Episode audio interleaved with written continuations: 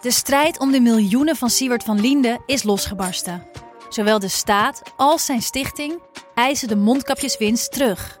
Maar dat die opbrengst in ieder geval niet thuis hoort bij Van Linde, daarover kan toch eigenlijk geen twijfel bestaan. Hoe kon het zo ver komen? Dit is het. We hebben beet. En als Siewert het geld teruggeeft, kunnen wij dit schandaal dan eindelijk loslaten?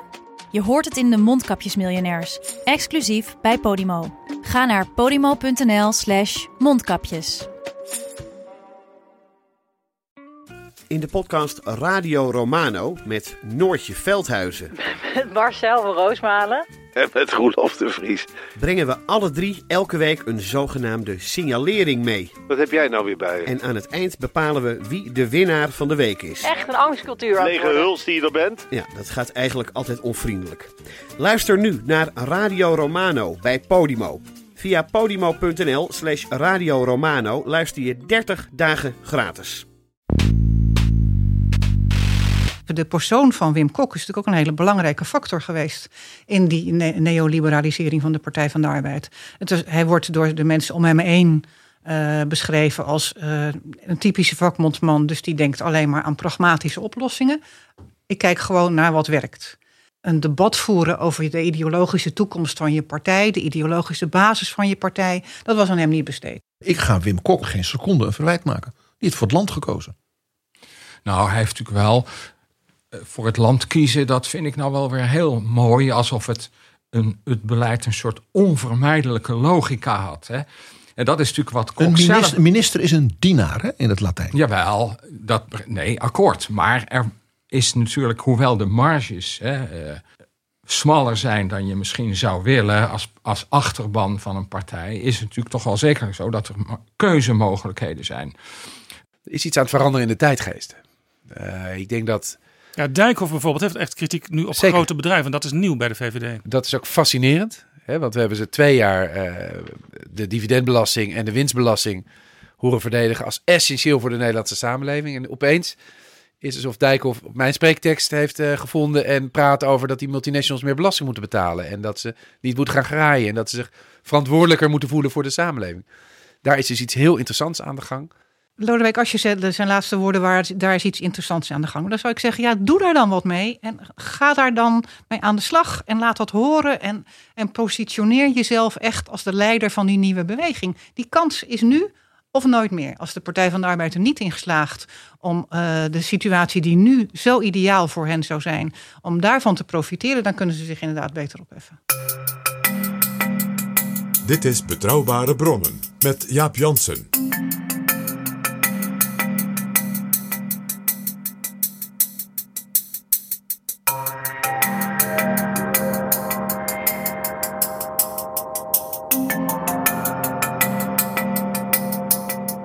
Welkom in Betrouwbare Bronnen, aflevering 123. En welkom ook PG. Aflevering 1, 2, 3. Jaap.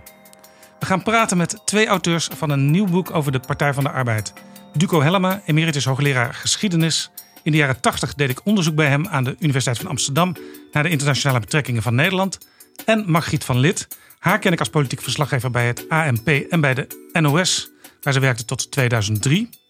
Sindsdien schrijft ze toespraken, teksten en ze geeft trainingen. Wat voor trainingen? Aan eh, eh, voorlichters die zo nu en dan een toespraak moeten schrijven. Het Dus we schrijven- horen af en toe een minister of een staatssecretaris die een toespraak van jouw hand. Ja, zo is dat. Dat geldt dan voor twee mensen aan de tafel. Ja, PG heeft die ervaring ook. Dit is Betrouwbare Bronnen. Welkom in Betrouwbare Bronnen. Jullie schreven een boek over de Partij van de Arbeid, maar niet over de partij van Wouter Bos, Job Cohen, Diederik Samsom of Lodewijk Asscher, maar over de Partij van de Arbeid van Wim Kok.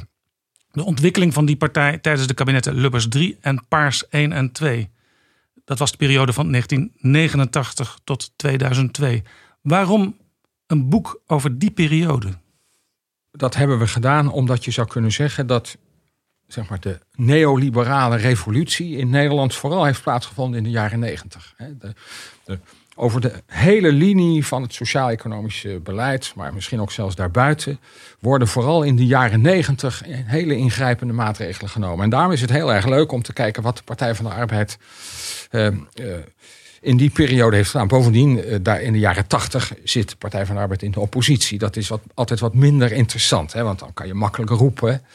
Maar ja, in die jaren negentig, we hebben wat dat betreft ook verwezen naar het, het boek eh, van, eh, van Kuiper over de, het, het, het privatiseringsverdriet, die ook concludeert. Ja, dat vind ik heel interessant. Eh, Jullie schrijven een boek over de Partij van de Arbeid en de belangrijkste getuige à charge is Roel Kuiper, oud-senator van de ChristenUnie. Nou, hij is niet de belangrijkste getuige. We verwijzen naar een, uh, iemand van buiten de Partij van de Arbeid... die voorzitter is geweest nog van een, van een enquêtecommissie in de Eerste Kamer... die er dus heel veel van weet. Die de ChristenUnie-hoek komt, dus niet een linksradicaal... en die ook concludeert dat vooral in de jaren negentig... Uh, het, zoals hij dat formuleert, het neoliberalisme op zijn hoogtepunt was. Hè, dat toen, toen echt allerlei privatiserings-, dereguleringsmaatregelen het, het, dereguleren van de financiële sector. Al die dingen gebeuren toch vooral in de jaren negentig. Overigens ook in andere westerse landen is dat het geval. Jullie boek heet Dat hadden we nooit moeten doen. De Partij van de Arbeid en de neoliberale revolutie van de jaren negentig. Het woord viel al een paar keer, neoliberaal. En jullie stelling is veel Partij van de Arbeid kopstukken uit die tijd... die er persoonlijk bij betrokken waren... die vinden achteraf dat ze te veel zijn meegesleurd door de neoliberale tijdgeest. Kunnen jullie omschrijven wat die tijdgeest was? Het idee was eigenlijk. Uh, de overheid uh, functioneert niet goed, is veel te bureaucratisch en is, staat niet aan de kant van de burger. En daar moet iets aan gebeuren. En dat doen we dan door een voorbeeld te nemen aan het bedrijfsleven. Of het over te laten aan het bedrijfsleven. Of het privatiseren en te eisen dat ze gaan werken volgens het bedrijfsleven dat is de, de koers die toen gekozen is. Ja, ik denk dat het goed is om daar ook. Het, het is de periode die wij behandelen, is de, zeg maar, het eerste tijdvak na het einde van de Koude Oorlog. Hè. In negen, het is op exact het moment dat Lubbers 3 aantreedt. Hè, de PvdA komt dan in de regering. Ja. Hè, gelukkig na zoveel jaar, ja, afgezien van, van 8-2, na zoveel jaar oppositie. En exact op hetzelfde moment stort, valt de muur. Ja. 7 november 1989 treedt Lubbers Kok aan. Ja. 9 november 1989, die avond staan die mensen en die roepen waanzin, waanzin. Ja, exact. En we, en we hebben in die gesprekken ook met heel veel mensen gemerkt dat zij ook erkennen dat dat een grote invloed heeft gehad. Hè. Het, natuurlijk is het communisme de Partij van de Arbeid was een hele anticommunistische partij. Maar het is toch ergens nog het zorgelijke achterneefje in de familie. En dus het, was het failliet van de socialistische gedachte. Het failliet van, nou ja, of je kan ja, zeggen van de planeconomie. Van, ja, van de planeconomie, van het collectivistische denkbeelden. Het tijdvak van het individu was aangebroken.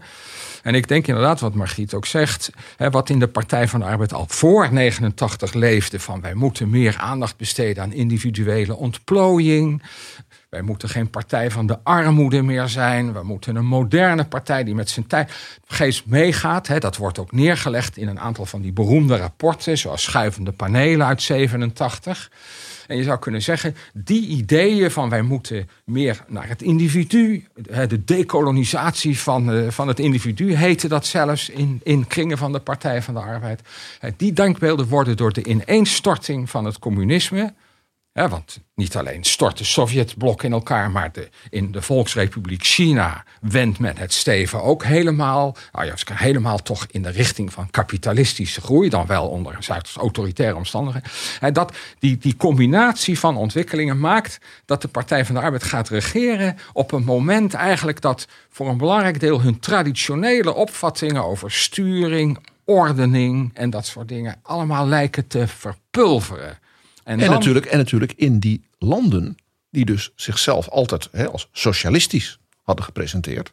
Bulgarije, Roemenië, Polen, de DDR.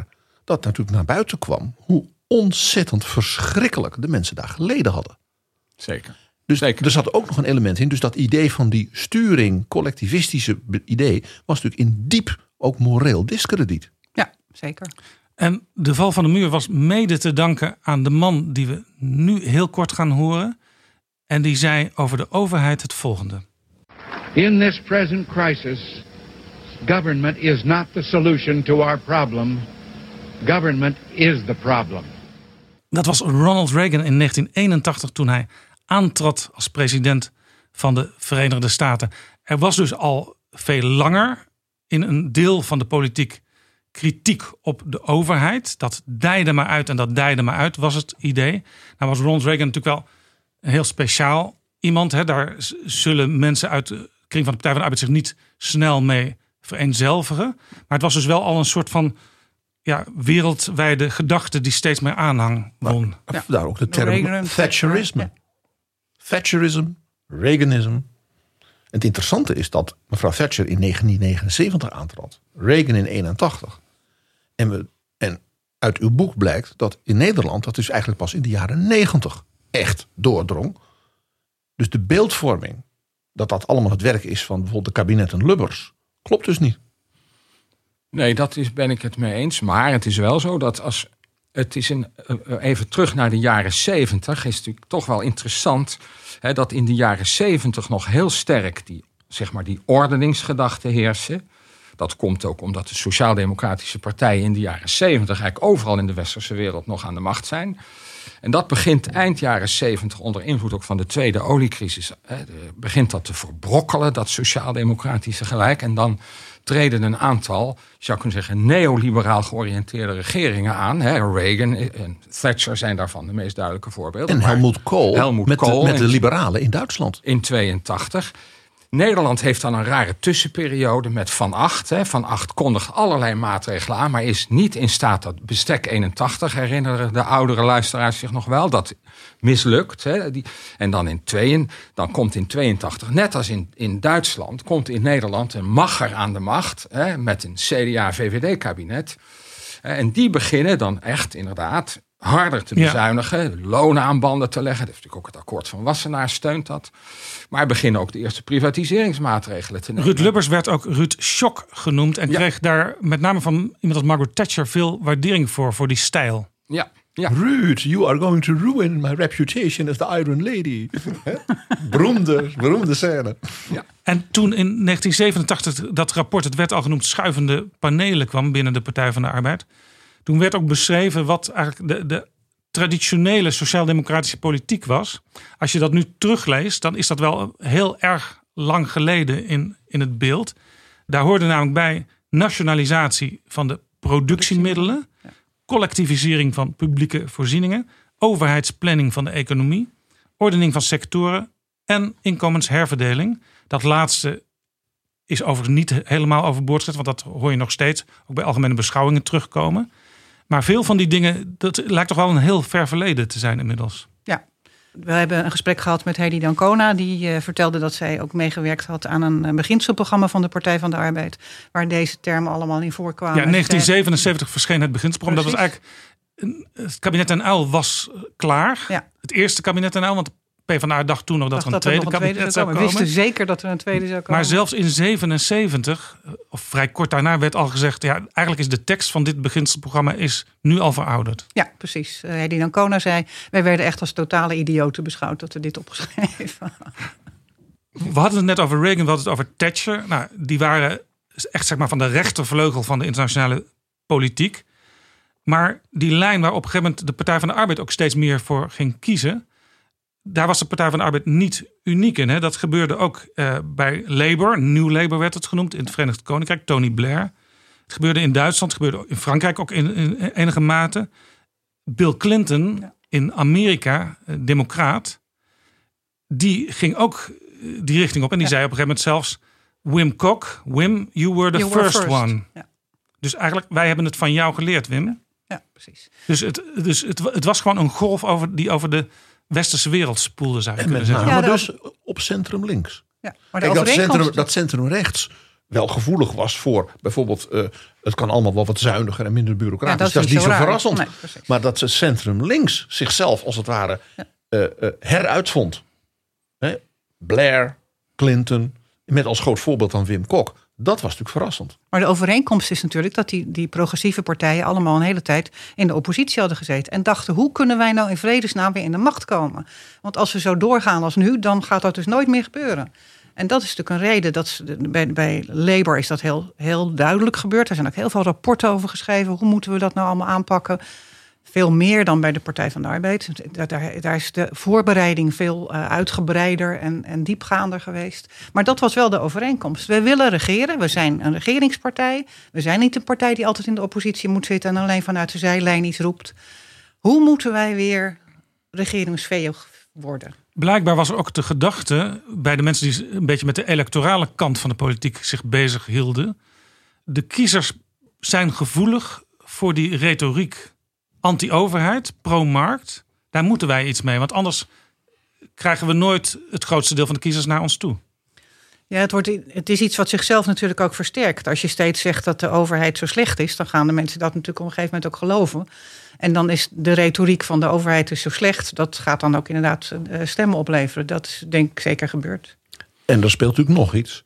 Uh, dit is ook de periode van de eerste grote digitale revoluties. En de overheid was natuurlijk volstrekt analoog. En bleef dat ook heel lang.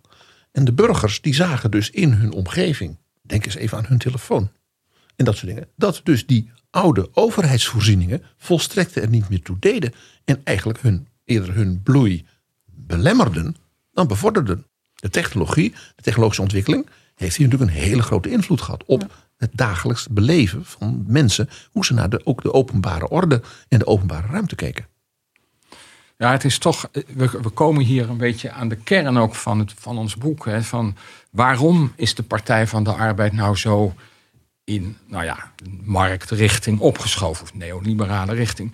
En wat veel betrokkenen zelf zeggen is, ja, we konden niet anders. De maatschappij of de kiezers, die wilden niet. En, en onze conclusie is eigenlijk dat dat is toch een aanvechtbare redenering. In de eerste plaats moet je goed beseffen dat de PvdA er vroeg bij was. Hè. Lang voordat de term derde weg begon te circuleren, was de Partij van de Arbeid al aan het regeren en aan het bezuinigen. Vandaar dat Bill Clinton zei: You, were, were, the first. En dat is ook, nou ja, je kan zeggen misschien de Zweedse arbeiderspartij, uh, die SAP, misschien nog, maar niet tenminste waren er vroeg bij. En de vraag is: wilden de kiezers dat inderdaad? Hè? Want uh, de ouderwetse partij van de armoede, hè, zoals de moderniseerders dat eind jaren 80 noemden, die had in 1986 en 1989 uitstekende verkiezingsresultaten behaald. In 86 het één na beste, het beste is 77. Het één na beste resultaat nog onder leiding van de oude Joop den Uyl. Heel, heel goed dat u dat zegt. Men heeft onthouden, en terecht, natuurlijk de glorieuze overwinning van Ruud Lubbers als lijsttrekker van het CDA. Je, je, je, bezuinigt het land ongeveer tot op zijn knieën. En je wint uh, meer zetels dan iemand 1986. ooit. In 86. Maar men vergeet dat Joop den Uyl, een oude man, afgeleefd. Men wilde van hem af, al jaren. Maar Joop den Uyl vocht en vocht. Ja, ik ben hem... Ja, jij weet dat we een beetje een bewonderaar van Joop den Uyl. Namens zijn vechtlust. En die haalt 52 zetels. Ja, het één na beste resultaat ooit van de PvdA in de geschiedenis. Ja, en in 89 doen ze het ook nog redelijk heel goed. Daarmee, hè, dus iets verliezen, minder. Verliezen iets, minder. iets. Ze verliezen een klein beetje. Wim Kok was dus, even goed vaststellen, Wim Kok is geen grote verkiezingsoverwinnaar. Hij heeft verloren in 89, hij heeft verloren in 94 en heeft in 98 iets teruggewonnen. Ja, maar nog steeds veel minder dan in, in 86 en 89. Maar. Zo is dat. He, dus het loopt in de jaren 90 continu terug. Dus het idee, wij moeten wel, wat ik ook altijd zo'n leuk voorbeeld vind, is ja, wordt er gezegd, de, de, de industriële activiteit neemt af, de vakbeweging, de, de arbeidersaanhang wordt smaller.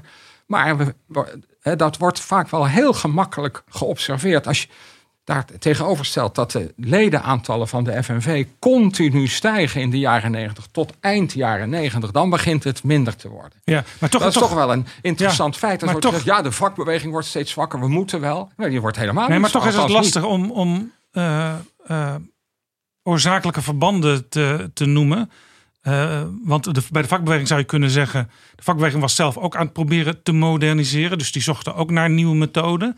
Nou, blijkbaar slaagden ze daar ook uh, in, in sommige opzichten redelijk in... want ze, kregen nog meer leden. Maar als je electoraal kijkt... Uh, 1986 Partij van de Arbeid 52 zetels, 1989 49. Goede uitslagen dus, hele goede uitslagen. Zeker vanuit het perspectief van nu. 94, merkwaardigerwijs toen Wim Kok eindelijk voor de Partij van de Arbeid opnieuw het premierschap in de wacht sleepte, haalde de Partij van de Arbeid 37 zetels. Je zou zeggen, slechte uitslag. Maar uh, D66 haalde toen 24 zetels, de beste uitslag uit de uh, geschiedenis van die partij.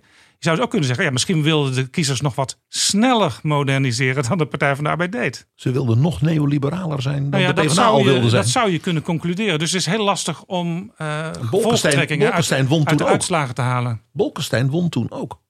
En Van Mierlo en Bolkestein. En ja, wat hen verbond was natuurlijk het neoliberale idee. Ja, nou ja, dat, dat is, het is ook moeilijk om... om... Kijk, als, als de, de SP die kwam later op, hè, die, maar dat was pas in 2006 haalde de SP, eh, geloof 26 zetels, heel veel zetels. En dat was de, dat was de oude LPF-aanhang. Maar in, ze kwamen pas in 19. Uh, wanneer kwamen, kwam de SP voor het eerst in de Kamer? Dat is mij 94. Ja, dacht het ook. Met ja, twee, met twee mensen. Ja, ja, met twee zetels in 1994. Ja. Dus toen was eigenlijk nog. Je zag niet, hey, uh, aan de linkerkant zijn kiezers bang voor het neoliberalisme. Ze vluchten naar een, een, een vintage socialistische maar ik meen dat partij. in 98 dat dan de progressieve partijen samen 75 zetels halen. Dat is toch in 98? Ja, is in 98. Ja. Dat is dus het beste, het beste resultaat voor de progressieve partijen ooit, denk ik. Maar ja, dan hangt, dan hangt het vanaf. Socialistische partij toen vijf zetels ook nog niet heel veel. Nee, maar en die is niet progressief. Nou ja, maar in sociaal-economisch opzicht misschien wel. Wel, nee. En cultureel opzicht. Wel nee. Nou ja, Ja. goed. Dan is de SGP ook progressief. Nee, maar goed, met, met andere woorden, eh, het is, het is lastig. Het is geen eh, zero-sum game, zou ik maar zeggen. Nee. nee, dat is waar. Maar het is ook moeilijk om te zeggen van het electoraat dwong de Partij van de Arbeid naar het midden op te schuiven, want anders was die partij kapot gegaan. Dat kan je niet uit de verkiezingsuitslagen concluderen, volgens mij van de jaren 80 en 90. Want juist als die Partij van de Arbeid gaat moderniseren, loopt het dus steeds verder terug. Nou was wel zo in die tijd, kan, kan me nog goed herinneren, als er over de overheid gesproken werd. Kijk, een- als een bedrijf bureaucratisch wordt, dan gaat dat zichzelf op een gegeven moment corrigeren. Hè? Want op een gegeven moment is er niet genoeg winst meer, of helemaal geen winst meer. Maar een overheid, eh, die heeft ook de neiging om uit te dijen. Dus dan moet je af en toe moet je eens kijken van wat, wat is het nut van allerlei delen van de overheid. En wordt nog wel bereikt eh, wat ooit oorspronkelijk de bedoeling was van bepaalde maatregelen. Dat speelde ook heel erg toen in die discussie van is er niet te veel overheid gekomen en bereiken we nog wel de doelen die we ook als sociaaldemocratie ooit hebben gesteld. Ja. Ja, maar je kunt wel constateren dat, dat dat is zeker waar. Er was heel veel reden om kritiek te hebben op de overheid. Jullie hadden kort geleden Becker hier in, eh, in het programma... en die heeft daar een aantal hele fraaie voorbeelden van gegeven. Alleen de vraag is, wat is dan de oplossing die, los- oplossing die je kiest? Wat zet je daar dan tegenover? Is dat dan gewoon hardcore, dat moet dus allemaal gaan zoals het bij het bedrijfsleven gaat? Of hadden we misschien een creatievere oplossing kunnen bedenken? Hadden we misschien op andere manieren de overheid kunnen verbeteren? In plaats van alleen maar deze weg te kiezen. En die dan ook heel ver door te voeren. Dat is eigenlijk de conclusie die wij ook voor een deel in, dat, in het boek trekken. Je kunt maar, wel. maar, maar Rutte zegt toch dat Nederland een diep socialistisch land is. Ik geloof helemaal niet dat het zo, zo enorm is doorgevoerd. Het is vooral babbel.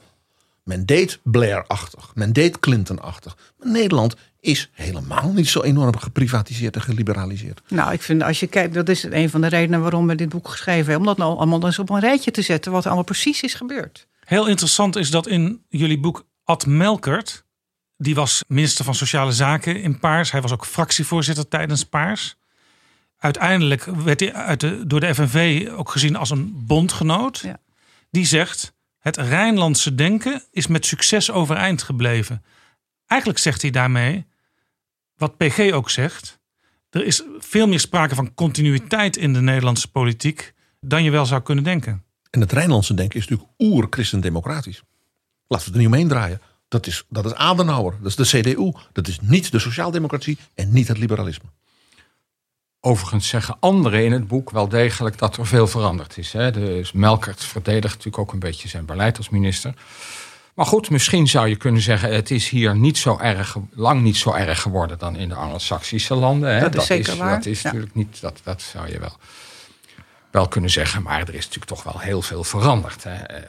Maar ja, de technologie is ook veranderd. De economie is veranderd. Er een sterke Europeanisering en globalisering van de economie en de samenleving. Ja. Je kunt ook niet zeggen dat eh, de Partij van de Arbeid 50 jaar lang had moeten roepen... er komt een tweede kabinet erna. Nee. Heel interessant hierbij is eh, de rol van Wim Kok. Want Wim Kok, eh, het, het woord viel al eventjes, het akkoord van Wassenaar. Dat was eigenlijk aan het begin van de jaren van het premierschap van Ruud Lubbers. Exact, op hetzelfde Werd, moment. werd er een heel belangrijk akkoord gesloten tussen werkgevers en werknemers. Ja. Dat gebeurde in Wassenaar.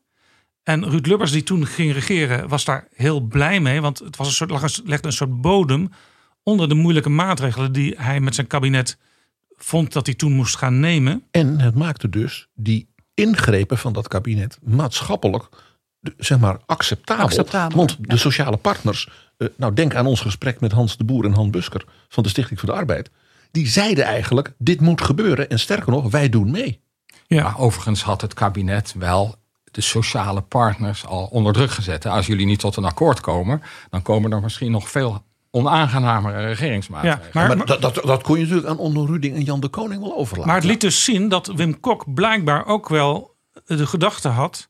Zoals we nu in Nederland op dit moment met elkaar bezig zijn. En zoals het beleid nu is, zo kan dat niet doorgaan. Er moet iets gebeuren. Ja. En dat was dus de Wim Kok een jaar of vier, vijf voordat hij zelf de politiek instapte. Ja, eh, Den Uyl was ook niet echt blij met dit akkoord van Wassenaar. Dat was voor hem natuurlijk heel erg.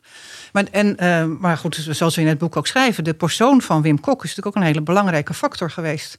in die ne- neoliberalisering van de Partij van de Arbeid. Het hij wordt door de mensen om hem heen eh, beschreven als eh, een typische vakbondsman. Dus die denkt alleen maar aan pragmatische oplossingen.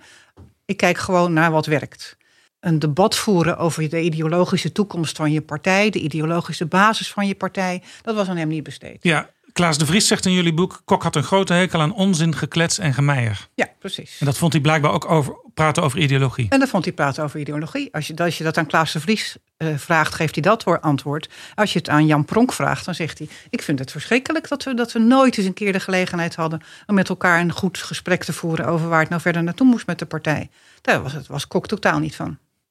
Nee. En dat is dus, dus belangrijk in deze ontwikkeling. Want dan krijg je een hele pragmatische, niet-politieke, niet-ideologische benadering van je beleid. Waarom is dat niet politiek? Het, het, is, het is in elk geval niet ideologisch ge- eh, gefundeerd.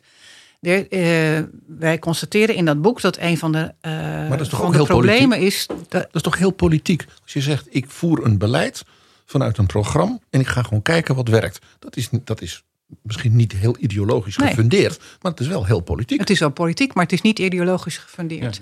Want je kunt je, je kunt je ook voortdurend afvragen: past dit eigenlijk wel bij eh, waarom wij als Partij van de Arbeid ooit zijn opgericht? Past dit eigenlijk wel bij het beeld wat wij van onszelf hebben en zouden willen uitdragen? En die vraag is eh, al die jaren niet gesteld. Nou ja, de werkloosheid ging op dat moment naar een miljoen. Ja. Eh, jo- jongeren vonden geen baan. Dus dan is het mooi als het ideologisch gefundeerd is dat het goed is dat er een miljoen werklozen komt. Maar het is niet erg fijn voor de mensen. Nee, maar dat is natuurlijk niet zo. Maar je kunt voor elke, elk probleem verschillende oplossingen bedenken. En eh, de oplossingen die bedacht zijn, eh, waren eh, onvoldoende gefundeerd in de, de fundamenten van de Partij van de Arbeid. Ja, er was in die partij, eh, toen Den Uyl eigenlijk in zijn nadagen was, was een enorm verlangen naar eh, verandering, vernieuwing. Hè? Ja. En de Partij van de Arbeid wilde bovenal weer meeregeren. Toen Wim Kok fractieleider werd, opvolger van Den Uyl, in de oppositieperiode nog. eh, en zeker toen het richting regeren eh, met Lubbers ging. Toen bleek eigenlijk dat eh, de Partij van de Arbeid alle grote hervormingen die Lubbers 1 en 2 hadden doorgevoerd, accepteerde. Dus de bodem voor Lubbers 3 was eigenlijk acceptatie van het beleid wat al gevoerd was. Het was een volstrekte vindicatie, zo werd het ook in het CDA beleefd, van het beleid van zowel Van Acht als Lubbers. Want de club van Den Uyl zei in feite, jullie hadden gelijk en wij hebben langs de kant staan schreeuwen. En dat was voor het CDA een zeer bevredigende gedachte. En vervolgens werd eh, Wim Kok niet alleen vicepremier, maar ook minister van Financiën. En Peter Rebbinkel heeft daar nog een mooi boek over geschreven, Regerenderwijs. Alle PvdA betrokkenen, ook de ministers, die hadden wel eens het idee dat bij Wim Kok eigenlijk één ding echt voorop stond. En dat was de begroting, kloppend krijgen. Ja, precies. En niet eh, wat ooit de Partij van de Arbeid als beginsel had opgeschreven of wat er in het verkiezingsprogramma had gestaan. precies. Nee. Nee, verschillende mensen in het, in het boek zeggen dat eh, voor, voor eh, Wim Kok was veel meer een minister van Financiën dan een partijleider. Hij was in de eerste plaats minister van Financiën. Hij luisterde in de eerste plaats naar zijn eigen ambtenaren. En naarmate de, zijn ministerschap vorderde, werd dat ook sterker. Eh, voelde hij zich een beetje eh, geïsoleerd ten opzichte van zijn eigen partij. En ging hij zich steeds. Ja, je ziet dat wel vaker bij ministers. Die verroeten zich in, in hun eigen departement. Luisteren alleen nog maar naar hun ambtenaren. En eh, dan heb je dus wel een probleem als je tegelijkertijd partijleider bent. Want dan, heb je dus, dan kies je niet meer voor je partij, maar je kiest voor je departement. Je kiest voor het land. Als minister van Financiën in een periode van grote economische en financiële perikelen, dan kies je als minister van Financiën voor het land. Dat is dus zeer, zeer te prijzen. Maar dan zou je iemand anders moeten aanwijzen als politiek leider van je partij. Want die kant laat je dan, verwaarloos je dan totaal. Dan laat je die partij toch ontheemd achter. Dat had dan de fractieleider in de Tweede Kamer moeten doen. Ja, maar dat is niet gebeurd. Jacques Wallagen en daarna Ant Melkert. Ja. Die hebben dat niet gedaan. Maar ik ga Wim Kok op dit punt geen seconde een verwijt maken. Die heeft voor het land gekozen. Nou, hij heeft natuurlijk wel voor het land kiezen. Dat vind ik nou wel weer heel mooi. Alsof het, een, het beleid een soort onvermijdelijke logica had. Hè. En dat is natuurlijk wat Kok Een zelf... minister, is een dienaar hè, in het Latijn. Jawel, dat, nee, akkoord. Maar er is natuurlijk, hoewel de marges hè, eh, de, smaller zijn dan je misschien zou willen als, als achterban van een partij, is het natuurlijk toch wel zeker zo dat er keuzemogelijkheden zijn. En ook achteraf zeggen verschillende betrokkenen, ook betrokkenen in het, van het kabinet Lubbers 3, wij zijn toch veel te hard gaan bezuinigen tijdens de beroemde WHO-crisis. Ik weet niet of hij straks nog aan de orde gaat komen. Eh, kiest eh, Kok dus echt voor het doorrammen van die bezuinigingen. En, en tegen eh, bijvoorbeeld het verder door onderhandelen binnen het kader van het georganiseerd overleg met de vakbeweging. En dat wordt hem ook achteraf zelfs door zijn welwillende biograaf Marnix Krop enorm verweten Ja. dat hij dat heeft gedaan. Wij hadden in november vorig jaar een gesprek met Marnix Krop, de biograaf van Wim Kok. Ja. Zijn eerste kloeke deel over Wim Kok is eh, toen verschenen. Ja. En over enige tijd eh, verschijnt deel 2, wat eh, grotendeels over de paarse periode Ja, zeker. zal gaan. Dus het wordt heel interessant. Ja. En Marnix Krop vertelde, en dat zal ik nu laten horen. Marnix Krop vertelde hoe dingen soms Wim Kok overkwamen. En hij daarmee aan de gang moest. Hij was niet een man die iedere dag eh, grote beslissingen nam. Integendeel, Eh daar deed hij heel, eh, heel uitgebreid over. En, en, maar zo nu en dan, door de omstandigheden gedwongen, moest hij doorpakken. Moest hij een beslissing nemen. De WHO, het probleem zag hij al tien jaar lang aankomen. Hij heeft nooit over zijn schaduw, eh, schaduw heen kunnen springen. Ehm, als hij heel veel eerder had ingegrepen, was het probleem veel minder groot geworden. Er waren allerlei goede redenen waarom hij het niet deed. Persoonlijke, politieke, psychologisch misschien ook wel. Uiteindelijk moest hij als minister van Financiën optreden. De geldnood dwong hem tot een standpunt. Het, het besluit van, over de WO was geen helder en goed besluit. Het CDA was ook helemaal verbaasd dat de Partij van de Arbeid daarmee kwam. Eh, er is ook op teruggekrabbeld. Niettemin had hij daar een enorme vertrouwenscrisis mee uitgelokt. Dat hij merkte van, ik trek het niet meer. En toen is hij door zijn vrouw, collega's, gezegd van ja, maar je kunt toch niet zomaar weglopen. Ga voor je zaak staan. Onmiddellijk pakt hij dat op. Ik ga voor mijn zaak staan. Ik ga, dat congres, dat is toen vastgelegd. Dat gaat, over een maand gaan we dat houden. En hij won met vlag en wimpel. Zei dat hij een boel kiezers en partijleden wel kwijt is geraakt. Marnix Krop. Laten we niet vergeten dat dit het moment was dat Wim Kok premier werd. Want hij liet daarmee naar de kiezers in het midden zien dat hij in staat was om meer te zijn dan een linkse vakbondsman die een tijdje op financiën zat. Hij was dus nog minister van Financiën. Hij was vicepremier. Maar PG, jij zegt, hier slaagde hij voor de test. Ja, hij liet hier zien dat hij een staatsman was. Dat hij dus eh, in staat was, als het ware, een moeilijk, eh, laat ik zeggen, niet links beleid te voeren. En dat hij daarmee bij die verkiezingen flink wat zetels verloor. Had natuurlijk een heel interessant effect. Het CDA, onder leiding van Elko Brinkman, verloor die enorme winst van Lubbers. En Wim Kok werd premier. Ja, en Wim Kok deed hier iets wat de, Den Uyl wel eens verweten is dat hij dat te weinig deed.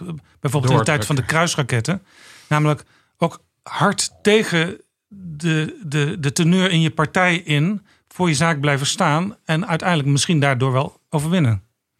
Ja, kijk, dat speciale congres in Nijmegen hè, was het eh, toch? Eh, Zeker. Dat daar wordt de partij aanhang in feite voor het blok gezet. Hè. Kok zegt, wij moeten doorregeren. Inderdaad, hè, eh, ik moet laten zien dat ik een premier, dat ik premier zou kunnen zijn. En dat de Partij van de Arbeid onder moeilijke omstandigheden bereid is om zijn verantwoordelijkheid te nemen. Hè, dat soort taal. Ja, was een Want- idee notabene van, van de linkse Jan Pronk. Ja, ja. Doe dat congres en ga voor je zaak staan. Ja, maar hij zegt erbij: als, ik niet, als jullie mij niet steunen, dan treed ik af. Dat is toch dus terecht? dan stort ik de partij in een enorme crisis. Maar dat is toch terecht? Daarvan zegt- een partijleider die door zijn congres wordt afgekapt. Daar, Die maar- kan toch niet blijven? Nee, dat is juist. Maar een aantal mensen die wij hebben gesproken zeggen... Hè, de Partij van de Arbeid wordt in de, jaren, ne- in de loop van de jaren 90 een steeds minder een democratische organisatie. De Haagse politici gaan in toenemende mate bepalen wat er in die partij gebeurt. Dat, is- dat is ook het gevolg van een reorganisatie. eh, daar komen we misschien nog op. De partijbaronnen, de macht van het middenkader wordt uitgeschakeld. Onder leiding van Felix Rottenberg en Ruud Vreeman. Felix Rottenberg en Ruud Vreeman. Maar een aantal mensen, zoals Bram Peper zegt... letterlijk in het boek in Nijmegen wordt de partijdemocratie in feite om zeep geholpen. Omdat iedereen weet dat er grote onvrede bestaat over die WHO. Er zijn allerlei activiteiten gaande in het vakbondskader. En niettemin zegt Kok, ik druk dit door. Geen sprake van, eh, van compromissen. En op dat moment eh, ook, ook Frans Becker, meen ik, zegt dan... Ja, vanaf dat moment zijn partijcongressen gewoon klapmachines. Maar je zou kunnen zeggen, het was juist het summum van partijdemocratie. Want elk, elke afgevaardigde daar, elk lid van dat congres, moest bij zichzelf nagaan. Wat vind ik nou belangrijker? Eh, dit niet door laten gaan en daarmee de Partij van de Arbeid waarschijnlijk weer voor jaren in de oppositie. Of doorregeren, moeilijke besluiten nemen en er uiteindelijk misschien wel sterker uitkomen. Ja, nou ja, goed. Ik, volgens mij wordt er ook nog een motie aangenomen... Dat, er- waarin Kok wordt gevraagd om te gaan heronderhandelen. Dus het is allemaal een hele ongemakkelijke toestand. Congressen kopen geen vliegtuigen. Hè? Dat zei eh, Nee. minister Vredeling al. Ja, maar nee, dat eh, natuurlijk. Hè, je, je, de terugkeer naar een, naar een situatie waarin die beroemde partijraad in, in feite allerlei dingen kan blokkeren, dat wil je misschien ook niet. Maar dit. Het is toch de PvdA gaat- die verhinderd heeft dat dat tweede kabinet een auto kwam? Ja. Dankzij die zogenaamde partijdemocratie? Nou ja, goed, kijk. eh, het, de vraag is misschien nog niet in 1992, maar zeker wel in een later stadium. Hè, is het eigenlijk niet jammer dat die achterban niet een stok in het wiel heeft kunnen steken? Want dat had misschien het enorme drama van de nederlaag in 2002. Hè, de, de vraag is of een, maar goed, daar we misschien straks op, of een tweede paarse kabinet nou wel zo'n gelukkige keuze is geweest. Terwijl, hè, zoals ook verschillende mensen, Joop van den Berg zegt, de achterban wilde dat eigenlijk niet meer. En toch gaat die Haagse politieke machine die blijft doormarcheren.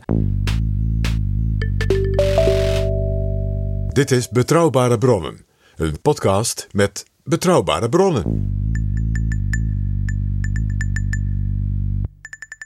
Het woord valt paars. PG zegt, eh, Kok slaagde voor het examen. In staatsmanschap? Eh, Duco zegt, de partijdemocratie werd om zeep Nou, geholpen. Bram Peper, ik, ik refereer even laf aan Bram Peper. ik ga achter Bram Peper staan. en toen kwam er een heel De, de schrijver van de speech Ja, ja, ja. Over de ideologische over het veren. Ja. verwerpen van de veren. Ja. Dus Bram Peper is op dit punt wel een hele boeiende getuige. Ja, ja, ja. Een, eh, ja. En toen werd het Wendbare geest. Toen werd Roel in 19 het veld, ook PvdA, daar heb ik van geleerd. Niet elke flexibiliteit is achtenswaardig. Het werd 1994. Toen kwam er een heel interessante verkiezingsuitslag. Het CDA tuimelde min 20 zetels naar 34 zetels. Partij van de Arbeid tuimelde ook. 12 zetels verlies. Maar wonder boven wonder. Met 37 zetels bleek die partij, de Partij van de Arbeid, wel de grootste partij. En in Nederland is langzamerhand de afgelopen decennia een traditie ontstaan dat het dan wel heel erg gek moet lopen eh, of je eh, kunt geen aanspraak maken op het premierschap. Dus er kwam een eerste kabinet Kok. De VVD had een goede uitslag. Die waren 9 zetels gestegen naar 31. D66 12 zetels gestegen naar 24. En er bleek dus een meerderheid mogelijk van Partij van de Arbeid, VVD en D66. Dat was vooral een meerderheid die Hans van Mierlo graag zag. Hij kon daarmee eigenlijk de komst van Paars forceren. Want Wim Kok die had eigenlijk niet zoveel met dat idee Paars. Hij was niet in Paars. Nee, zeker niet. En je zou kunnen zeggen, Dus hij was helemaal niet zo neoliberaal. Dat- Want Paars was natuurlijk ultiem neoliberaal. Ja, want dat, eh, als je kijkt naar de VVD en D66 en als je kijkt hoe zij zich verhielden tot de polder.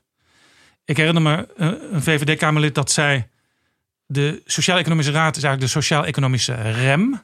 Ze wilden dus eigenlijk van steeds dat gepolder af en de politiek die moest besluiten nemen. Het primaat van de politiek werd dat genoemd. Dat speelde ook wel in delen van de Partij van de Arbeid, die wens. Maar Kok was natuurlijk wel iemand die uit de polder kwam, een polderjongen. Ja, eh, wat je net zei, de Kok was zeker niet iemand die heel graag met de, met de VVD en D66 wilde regeren. In, in zijn biografie staat ook dat hij gezegd heeft: eh, het zijn toch eigenlijk altijd wel de, het is de klasse vijand. Eh, en dat je daarmee moet gaan regeren, dat is toch wel heel erg treurig. Maar ja, hij had op een gegeven moment geen andere keus. Het lag ook aan het CDA, dat toen geleid werd door Ilko Brinkman, die dacht van ze kunnen nooit om ons heen. Dat het gaat nooit gebeuren, zo'n regering met zo'n zo'n paars kabinet. En, eh, en hij zag dat voor zijn ogen toch gebeuren. Eh, dus Kok begon er niet met veel plezier aan. Ehm, maar, ehm, en ik denk wel dat hij eh, in wezen liever met het CDA zou hebben geregeerd. Maar dan ga je regeren en dan, dan treedt er een groepsgevoel op. Dat is ook altijd zo in een, in een eh, samenwerkingsverband.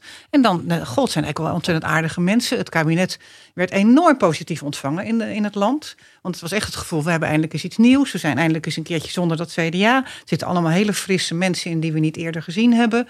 Eh, Hans Weijers, dat zijn waarvan mensen aansprekende Economische politici. zaken, D66. Precies. Ehm, en dan ontstaat er dus zo'n sfeer van eigenlijk is dit wel heel erg leuk. En dat zou Kok natuurlijk ook gezien hebben. Dacht, ja, Ja, dat is- en dat bleek bij de ministers onderling en ook bij de Kamerleden van de verschillende fracties. ja, die ook heel goede, goede relaties met elkaar opbouwden.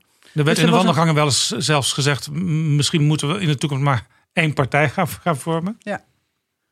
Dus dan, dan krijg je een, een hele positieve sfeer, een goede uitstraling. De, de, de cijfers van de populariteit van het kabinet waren heel erg positief. En het Dus geld dat- klotste over de plinten. nou, dat was Nou, in dat Paars was 1 nog niet zo hoor. Dat was, later, was, in maar Paars maar 2. de positieve wending van de economie was markant. Ja, maar die kwam echt pas later. Ja, maar, maar het ging dus nu wel veel Ja. beter. Ja, je zou dus En kunnen dat zeggen. was natuurlijk heel positief. Ja, en Dat- zij- dan valt er wat te verdelen. Ja, ze konden dus electoraal ook zeggen: het beleid werkt. Toch nog even terug. Je had het over hè, dat georganiseerd overleg, het maatschappelijk middenveld. Hè.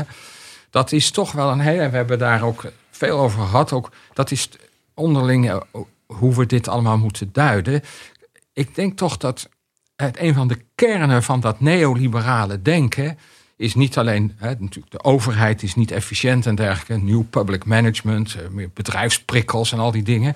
Maar dat is ook het idee dat de economie, als het ware, wordt gegijzeld door georganiseerde belangen. De vakbeweging, eh, georganiseerd overleg. Dus die neoliberalen van Milton Friedman aan, die zeggen allemaal... de arbeidsmarkt moet worden geflexibiliseerd. De macht van de vakbeweging moet terug. Dat is ook een cruciaal punt voor Thatcher. En dat zie je ook in Nederland nu... zij het in een wat gematigder en typisch Nederlandse... wat heimelijker manier toch doordringen in de Haagse politiek. En dat heet dan het maatschappelijk middenveld. Dat georganiseerd overleg moet worden opengebroken. Dat is allemaal niet goed. De arbeidsmarkt...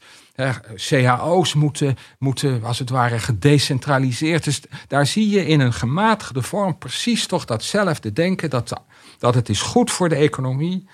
Hè, als we gaan dereguleren, als al die ordening die er maar is, die wordt dan ook vaak weer geïdentificeerd met het CDA. eh, Die moet worden opengebroken. De, de arbeidsmarkt moet worden opengebroken. De macht van de vakbeweging moet worden gereduceerd. De koepels moeten minder macht Nou ja, hebben. hè, dat- Ja, in allerlei varianten zie je in een wat gematigde vorm toch, toch in zekere zin hetzelfde neoliberale denken. Er was één voorbeeld waarin eh, zeg maar, de samenwerking tussen werkgevers en werknemers tot perverse gevolgen had geleid.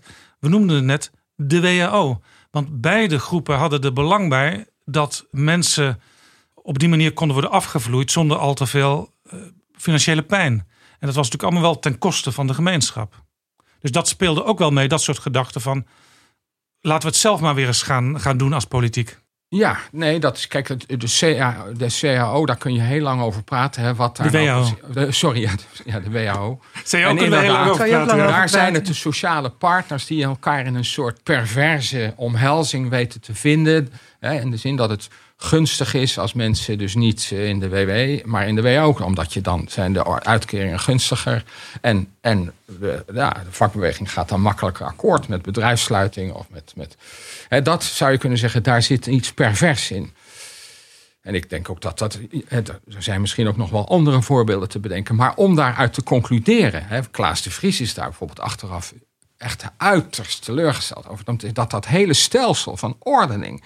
Hè, van publiekrechtelijke bedrijfsorganisaties. Om dat allemaal open te breken, af te schaffen. En daarvoor in de plaats zelfregulering. Ja, hè. Klaas de Vries werd natuurlijk zelf later ook voorzitter van de Sociaal-Economische Raad. ja, zeker. Die Klaas de Vries, maar ook andere een beetje gelijkgezinden. En dat zijn echt niet van die linksradicale PvdA'ers, in tegendeel. Maar die vinden dat allemaal een van de...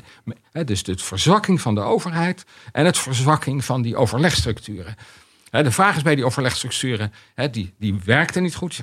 Ja, dan moet je ze afschaffen. Anderen zeggen, nee, dan moet je ze democratiseren. Dan moet je juist de maatschappelijke ja, worteling daarvan versterken... in plaats van eh, dat allemaal eh, op de schroothoop gooien. Maar dit was helemaal niet nieuw. Dit was Hans van Mierlo met de start van D66. Anti-verzuiling, openbreken, tweedeling. eh, het liefst, hè, een, zoals in Engeland of in Duitsland of in Amerika, twee partijen. Eh, dat, hè, dat, dat, dat, vage christelijke midden, dat moest gekraakt worden. Dat was dus dat middenveld, dat was al die zuilorganisaties. Dat moest allemaal kapot. Als je dat neoliberaal noemt, dan zeg ik ja, maar het is ook jaren zeventig polarisatiedenken tegen dus het Nederland van zeg maar, de wederopbouw. Hè, met de grote zeg maar, maatschappelijke organisaties en de door u ook genoemde ordening.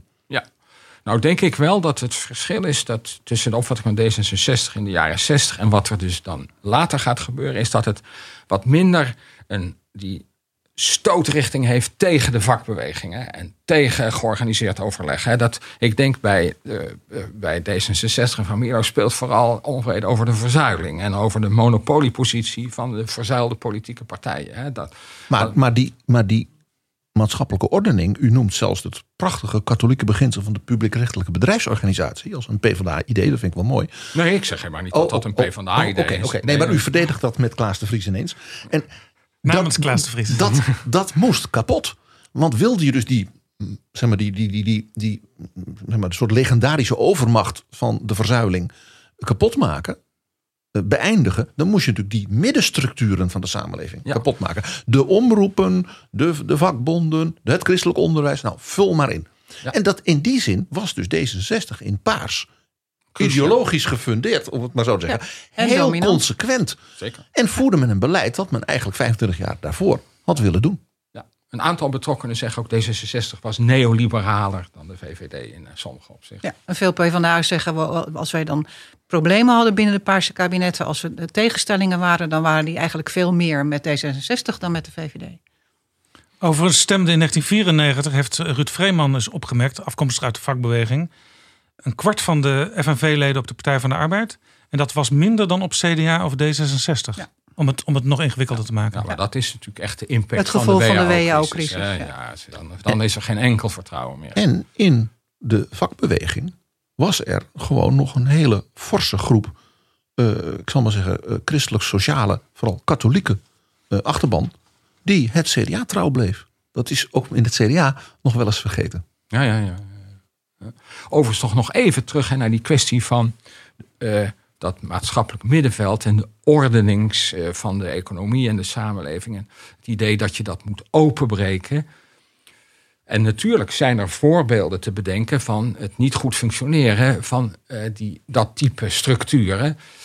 Maar wat er voor in de plaats komt, is vaak marktwerking. En eh, de woningbouwcorporaties, daar hebben we nog niet over gehad, zijn daarvan natuurlijk een dramatisch voorbeeld. Je zou kunnen zeggen, die functioneerden ook niet altijd even leuk. Daar waren gevestigde belangen, groepen, die, die organisaties misschien, je zou kunnen zeggen, ook be, beroepssurpieten en al dat soort dingen. Iedereen kan zich dat in die periode nog wel ja, het idee van woningcorporaties in hun oorsprong was heel mooi. Ja. Namelijk groepen mensen gingen samenwerken om eh, groepen mensen te huisvesten. Ja. En later verwaterde dat. Dat verwateren, ja. En dat, alleen de vraag is, wat moet er dan gebeuren? En wat er dus eigenlijk met de, nou ja, je zou kunnen zeggen, de hele privatisering van, die, van dat stelsel is gebeurd, is dat eh, elke mogelijkheid om nog ja, eh, volkshuisvesting als het ware te enten in de samenleving, in buurten, dat dat allemaal verdwijnt. En dat is natuurlijk de tragiek, dat je een voorbeeld van, hè, je zou kunnen zeggen, het kapotmaken van structuren met soms misschien nog wel redelijke argumenten. Het is niet democratisch, het, het, het is verbureaucratiseerd en dergelijke. Maar je gooit, hè, zouden we kunnen zeggen, het kind met het badwater Ja, weg. heel interessant Ja, maar het, jullie kind, maar het kind moest dood. Dat was die verzuilde Nederlandse cultuur en manier van doen. Daar was men tegen. Dat, dat was, dat was de, de polarisatiestrategie van de jaren zeventig. En die werd dus gerealiseerd in de Paarse kabinetten. Laten we er niet omheen draaien. Ja, ja dat, dat was ook wel het, het, het lastige als mensen nu terugkijken. Want ik las in jullie boek bijvoorbeeld Sveder van Wijnberg. Die was topambtenaar op Economische Zaken, ook Partij van de Arbeid lid. Eh, Rick van der Ploeg, die in die tijd werd gezien als eh, de liberale vleugel zo'n beetje van de Partij van de Arbeid. Als, als denker. Coming man. Als denker. Van de coming man. Die, die zeggen nu met heel veel spijt, ja, die privatisering is te ver doorgeslagen. En zij noemen ook met name die volkshuisvesting. Zweder van Wijnberg. Het lastige is natuurlijk wel dat ze er zelf zeg maar de, de stootkracht gaven in die jaren om het allemaal zo te doen. Nou, de, de, de liberalisering van de volkshuisvesting is wel gebeurd onder Lubbers 3. Maar eigenlijk is de kern van het hele boek. Eh, zeker waren de problemen. We zullen helemaal niet zeggen dat het allemaal fantastisch ging en dat de overheid alles fantastisch regelde. Er waren grote problemen. Maar zijn de oplossingen die gekozen zijn nou wel zo goed voor het land? Dat is eigenlijk de kern van, het, van al die verschillende onderdelen. Zowel als het gaat om financiën, als volkshuisvesting, als onderwijs, als sociale zekerheid. Ja. En volkshuisvesting is daarin een, een voorbeeld wat natuurlijk heel erg aansprekend is. Er is niet voor niks een eh, parlementaire enquête over geweest... waarin de vreselijkste dingen aan, eh, eh, aan het licht zijn gekomen... waarin mensen Maseratis kochten op kosten van hun eigen Is, is, vereniging. is er een voorbeeld eh, in die grote maatschappelijke veranderingen... waarvan u nu zegt, dat hebben ze eigenlijk best goed gedaan? Ehm, Want ik kan er zo een paar noemen, want ik verdedig dat graag zoals u zelf zeggen ze altijd dat de, de bevordering van de werkgelegenheid... hun belangrijkste eh, verworvenheid is. Dat de, de werkloosheid enorm is eh, teruggelopen... en dat eh, de werkgelegenheid... De, eh, op een fantastisch niveau is gekomen. Je kunt je altijd afvragen wie daar verantwoordelijk voor is. Want dat is natuurlijk een, een ontwikkeling die ook te maken heeft met hoe het economisch in Europa op dat moment ging. Waarin Nederland sterk afhankelijk is van andere landen. Je zou Dus- kunnen zeggen dat is te danken aan Jacques Delors en de interne markt. Dat Ja, zou je kunnen Mag ik hier iets over vragen? Want eh, maar maar u, u zegt dus eigenlijk dat de betrokkenen waar u mee heeft gesproken... maar één onderwerp kunnen noemen. En dat is die werkgelegenheid.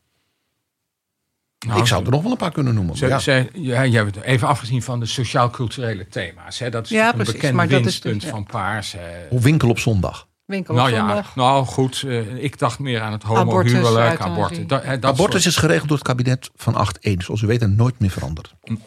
Maar goed, eh, op, het, op die sociaal-culturele punten, daar zou je kunnen zeggen, heeft Paars misschien een aantal dingen open kunnen breken, omdat het CDA niet, eh, niet eh, deelnam. En dan inderdaad, zeggen ze, wat Margriet zegt, allemaal, daar een miljoen banen daarbij. Dat hebben we.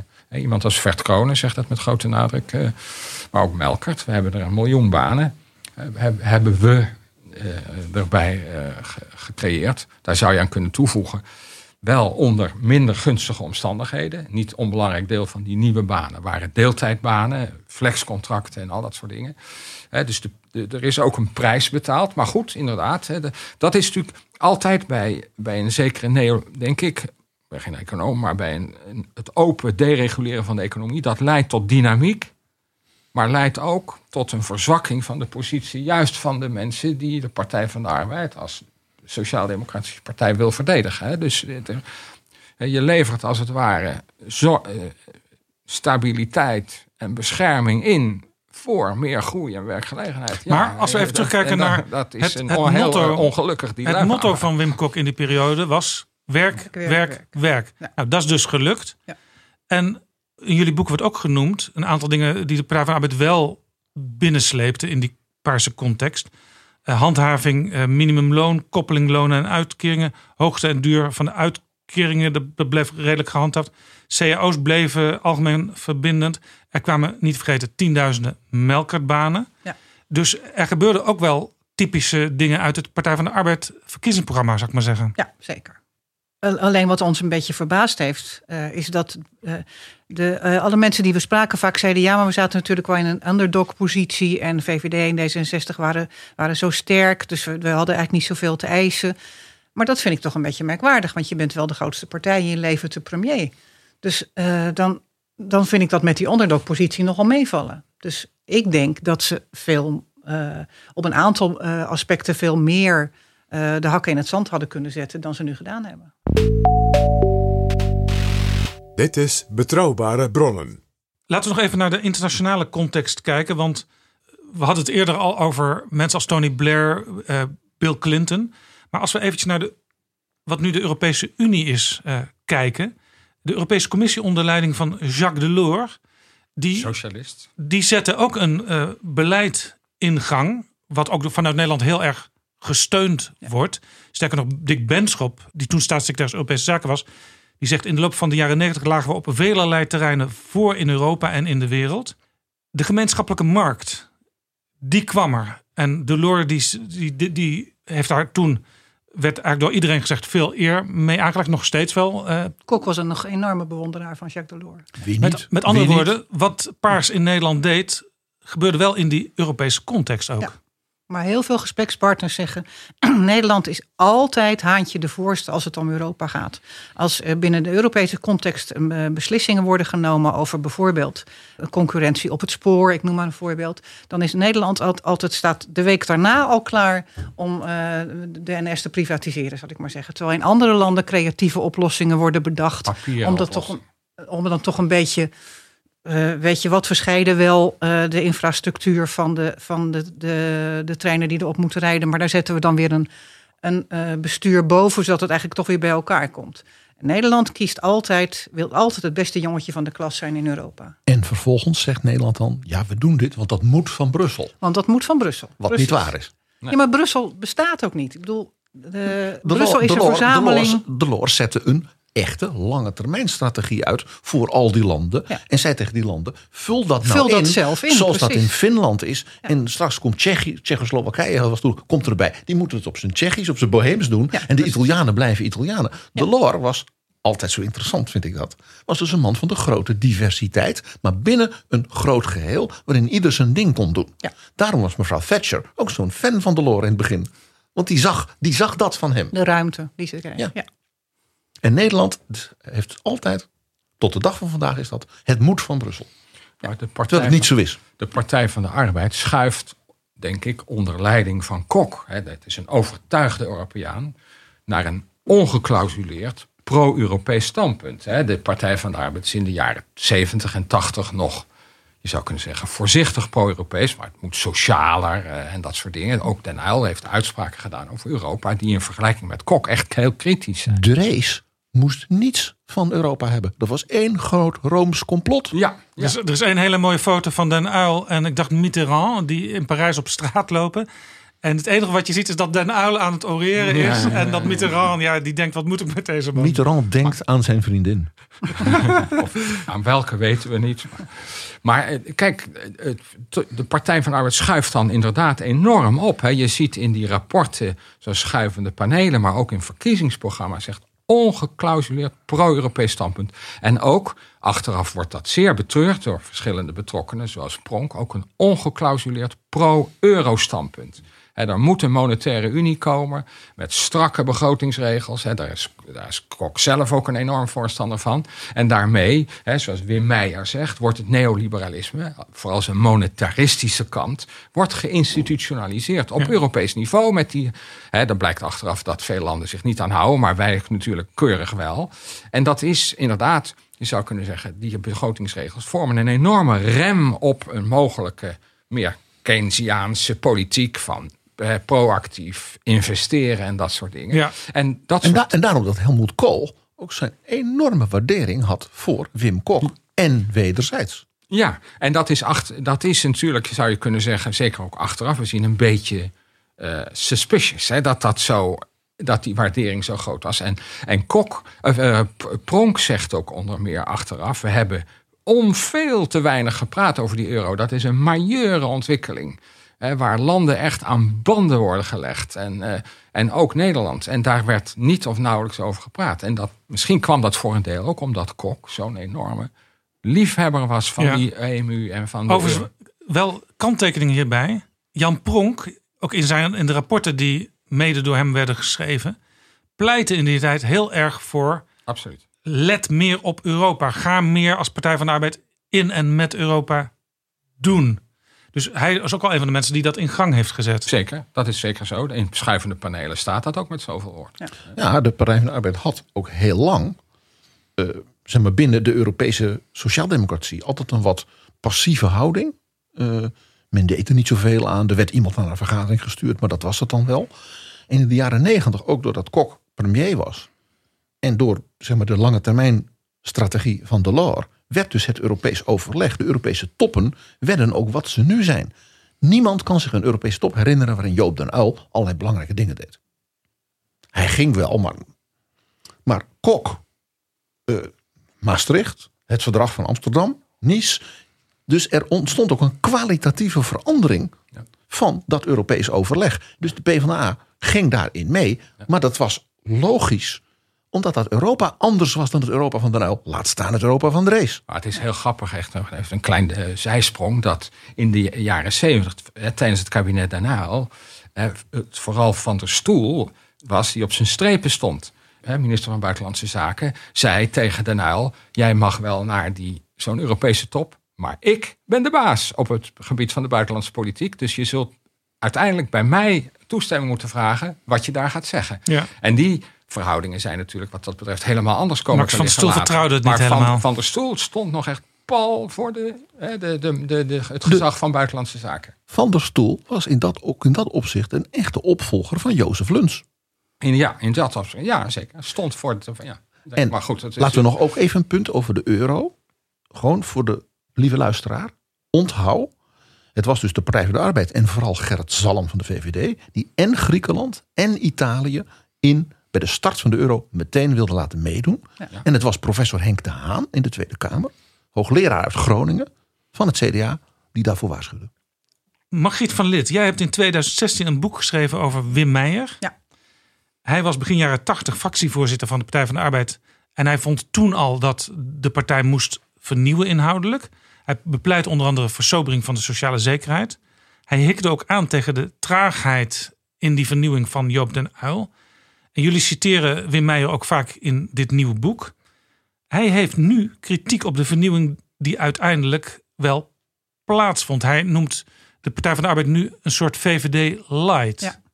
Is zijn weerdegang is die exemplarisch eigenlijk voor veel PvdA-mensen uit die tijd? Nou, ik denk dat je de, de, de weerdegang van eh, eh, Wim Meijer zo kan omschrijven dat hij eh, in de periode dat hij eh, fractievoorzitter was, wat maar heel kort was, want dat was in de periode dat een uil minister was in, het, in dat korte kabinet met Van Acht. Dat eh, hij geprobeerd heeft om de partij zover te krijgen om goed na te denken over de, de sociale zekerheid kan niet meer zo doorgaan zoals die nu is. Laten wij op onze manier, op een sociaal-democratische manier, proberen om dat te vernieuwen. Dat is allemaal niet gebeurd. En nu zegt hij: Kijk, nu krijg je dus wat, waar ik altijd voor gewaarschuwd heb. Als we het niet op onze manier doen, dan, dan gebeurt het op hun manier. Dus zijn eh, oordeel achteraf is: de Partij van de Arbeid heeft uiteindelijk de socia- sociale zekerheid eh, bezuinigd en veranderd eh, op de manier van de VVD en niet op een sociaal-democratische manier. Maar de PvdA heeft toch na het kabinet van 8-2 al die tijd in de oppositie gezeten. Dus de PvdA heeft dat niet gedaan. Eh, onder, de, onder Lubbers 3 en de Paarse kabinetten wel, ja.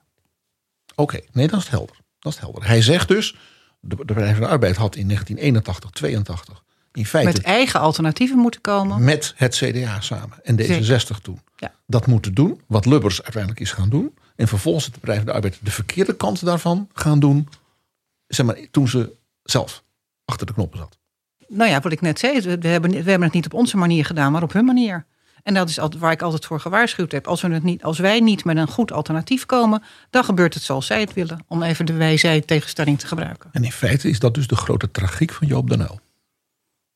Eh, Want ja. die bleef toen partijleider En, daarmee was- zat de PvdA in de oppositie. Die was wars van, eh, van elke aanpassing van de sociale zekerheid. Die wilde daar niet naar luisteren. Ja, en, en Kok ook niet. Hè? Want eh, vergeet niet dat Wim Meijer heeft aanvankelijk een veel hard, harder versie van dat beroemde rapport Bewogen Beweging geschreven. En dat wil Kok niet. Want die wil niet hè, dat het zo uitdrukkelijk in een partijrapport komt te staan dat die sociale zekerheid moet worden herzien. Want dat geeft partijstrijd en richtingenstrijd. Ja, en hij was toen net eh, de partijleider geworden, dus hij wilde geen eh, de problemen in de partij. Hij wilde natuurlijk niet met een, met een valse start eh, het partijleiderschap aan, dus hij wilde dat niet. En dat feite- is het geleid tot het vertrek van Wim Meijer uit de politiek.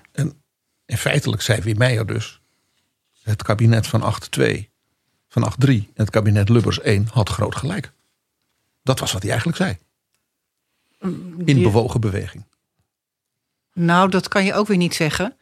Eh, het, eh, wel gelijk in de probleemstelling, maar niet gelijk in de oplossing. Maar de probleemstelling werd al ontkend.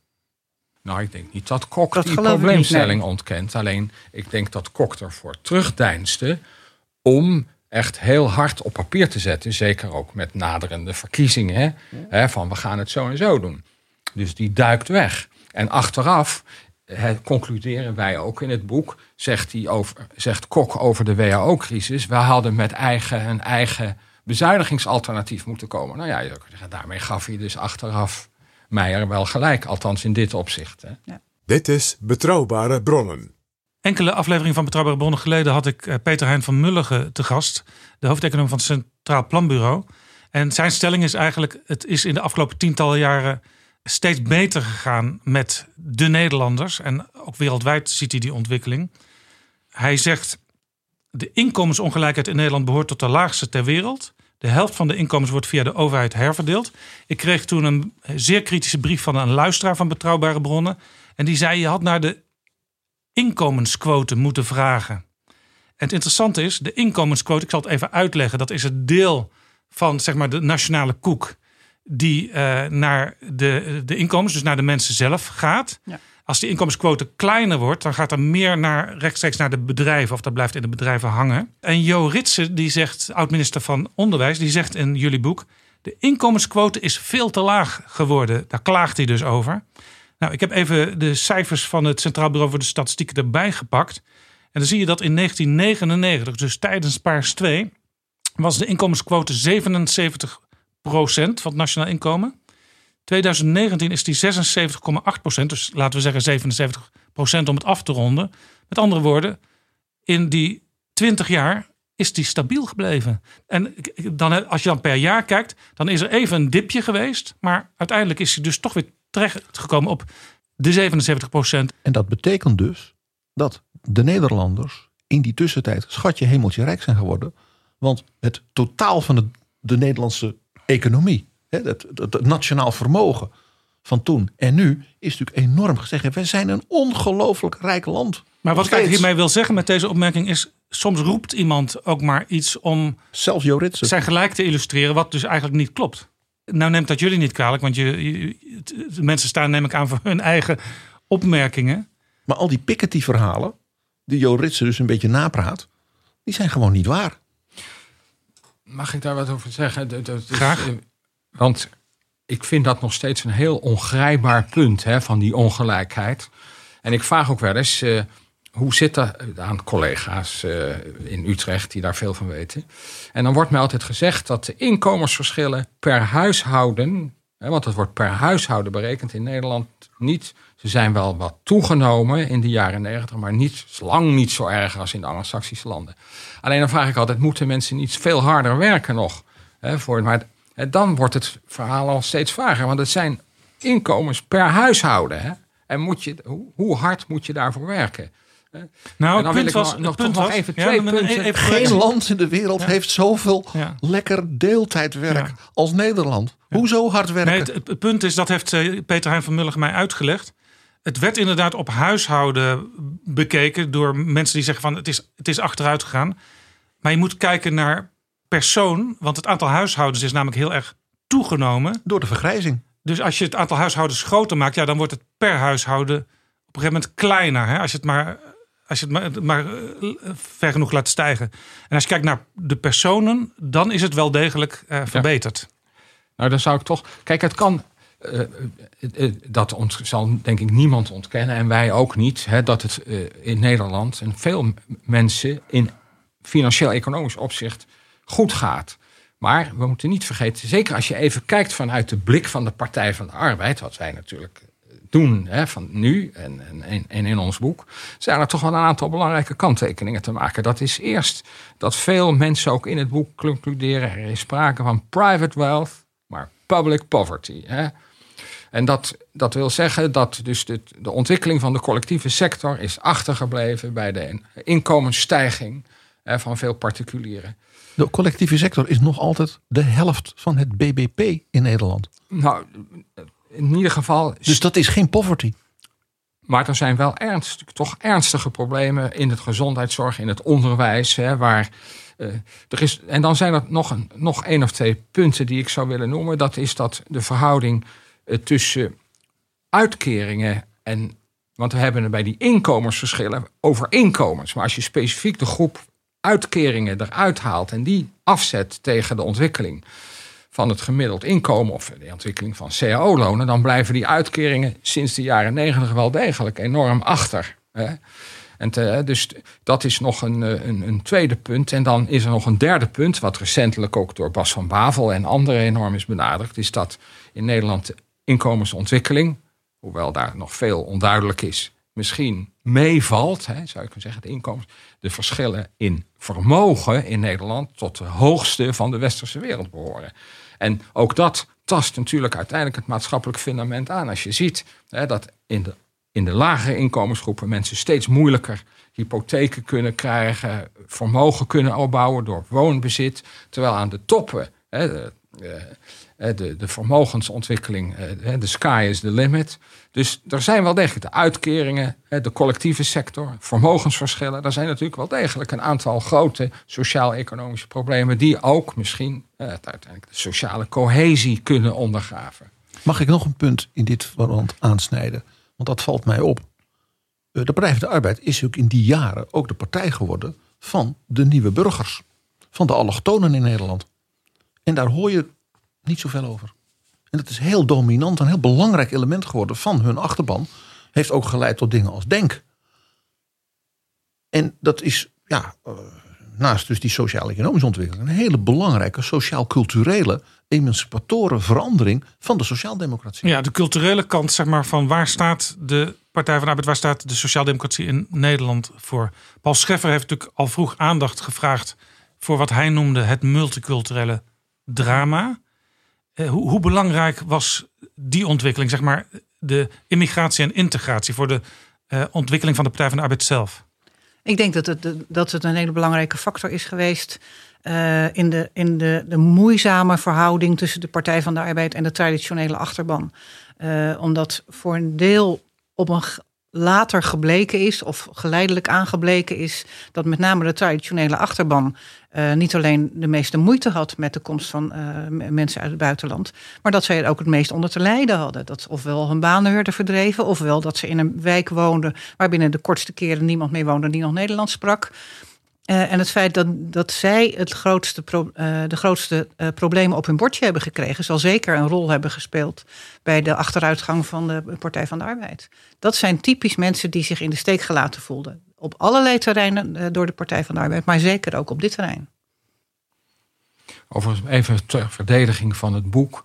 Hè, de, het artikel van Scheffer is echt helemaal aan in, de, in het einde van onze periode, als ik maar even zo mag noemen. Hè.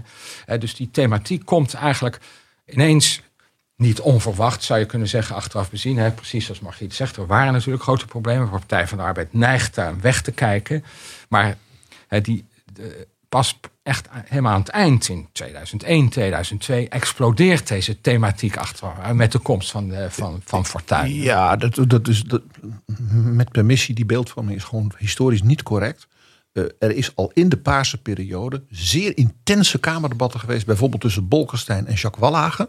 De fractieleider van de PvdA onder Paars 1. Over deze thematiek. Ja, en er was het, natuurlijk idee, het idee dat dat iets bedacht is door Scheffer en Fortuyn is feitelijk niet. En er was ook al het beleid eh, van sociale vernieuwing. Ja. wat ook door de Partij van de Arbeid in gang was gezet, juist om, Onder Lubbers Kok door Indales. juist om de, de scherpe kantjes van deze problematiek een beetje af te veilen. Ja, dat is waar. Maar het enige vervelende is dat er zoveel bezuinigd moest worden in het kabinet Lubbers. Dat eh, die sociale vernieuwing, daar, daar wa- waren aanvankelijk grote bedragen voor opzij gezet. En daar is uiteindelijk niks van overgebleven. Ja. Als we het hebben over de. Even En dat, en dat, dat is dan het werk van minister van Financiën Wim Kok. Zeker. E- Even nog terugkomend op dat punt wat jij zegt, is natuurlijk juist. Hè, maar in de Partij van de Arbeid heeft natuurlijk lang die thematiek wel degelijk natuurlijk wat weggemoffeld. Hè. Eh, en, en, en bijvoorbeeld ook.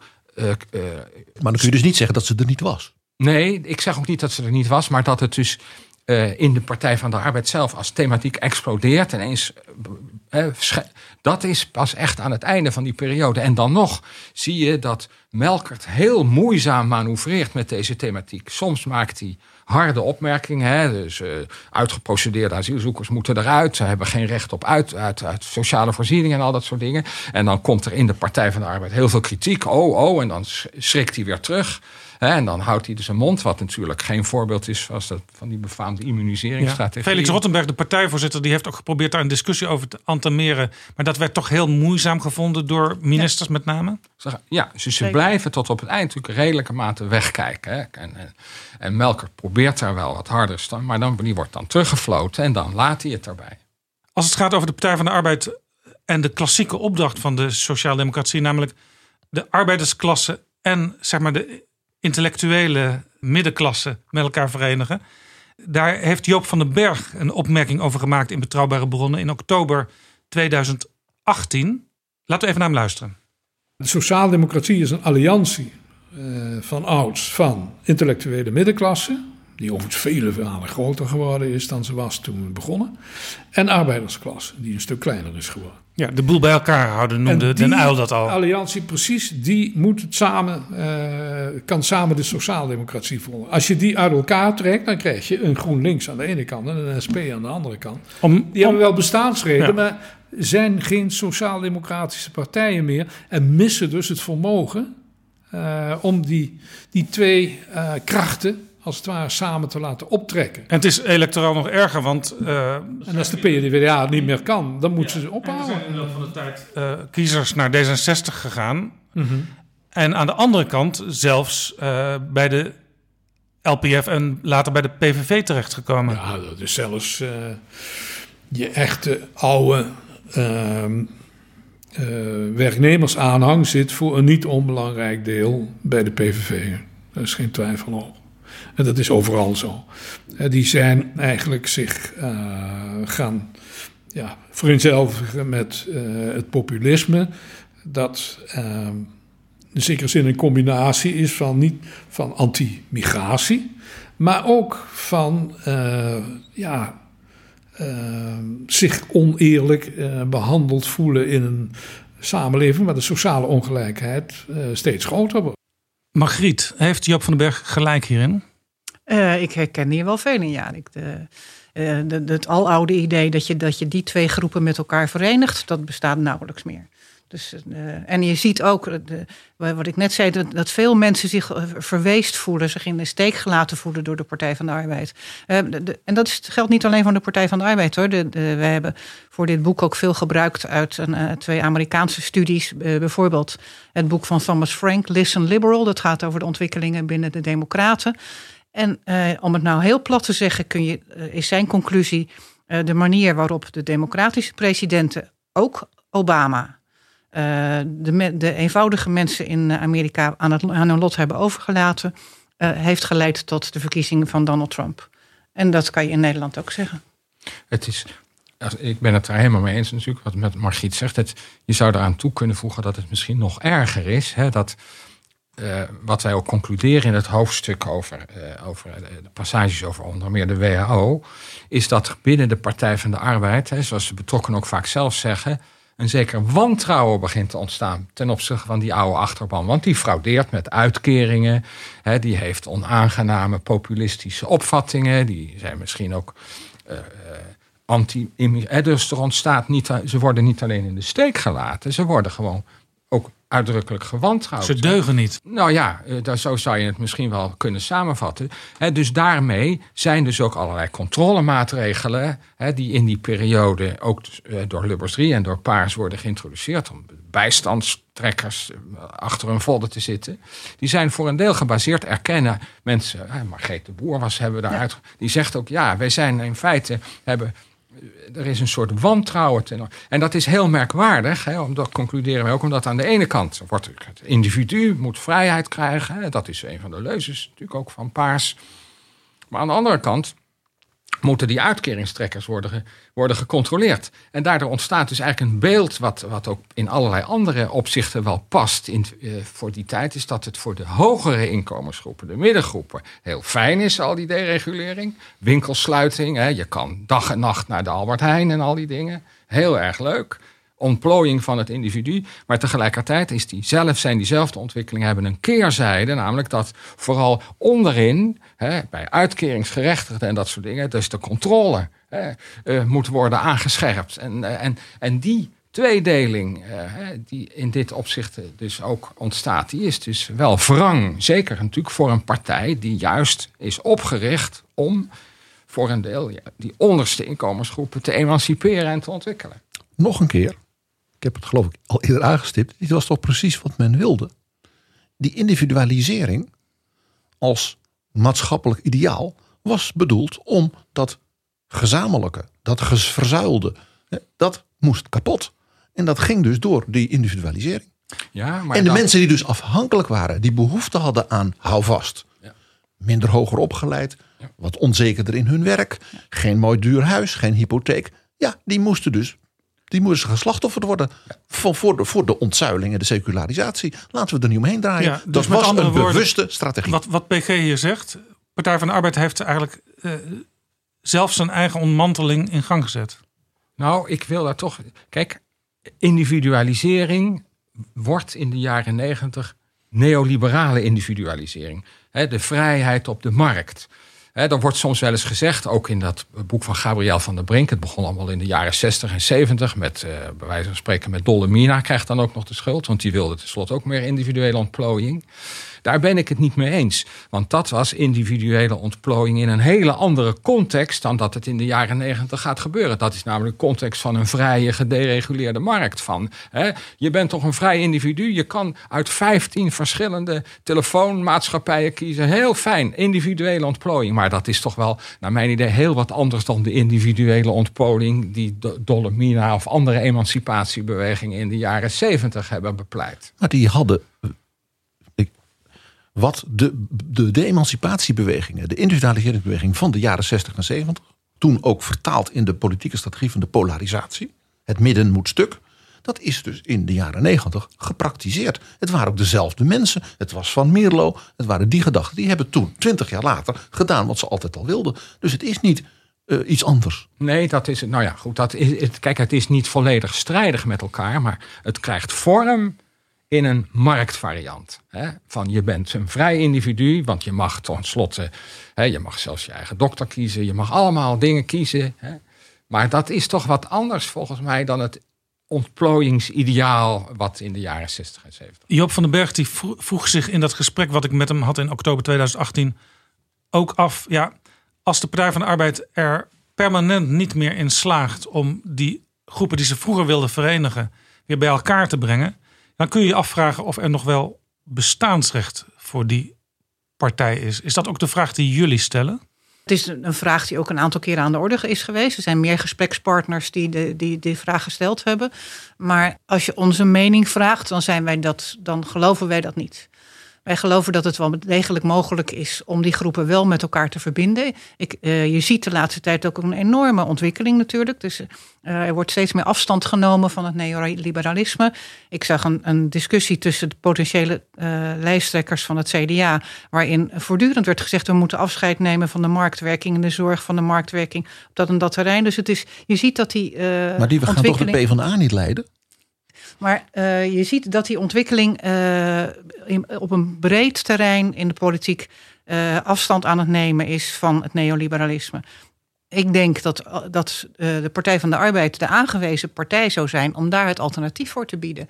Om met zichzelf opnieuw uit te vinden en een koers te kiezen die weer teruggaat naar, voor een deel teruggaat naar de periode voor, voor dat neoliberalisme.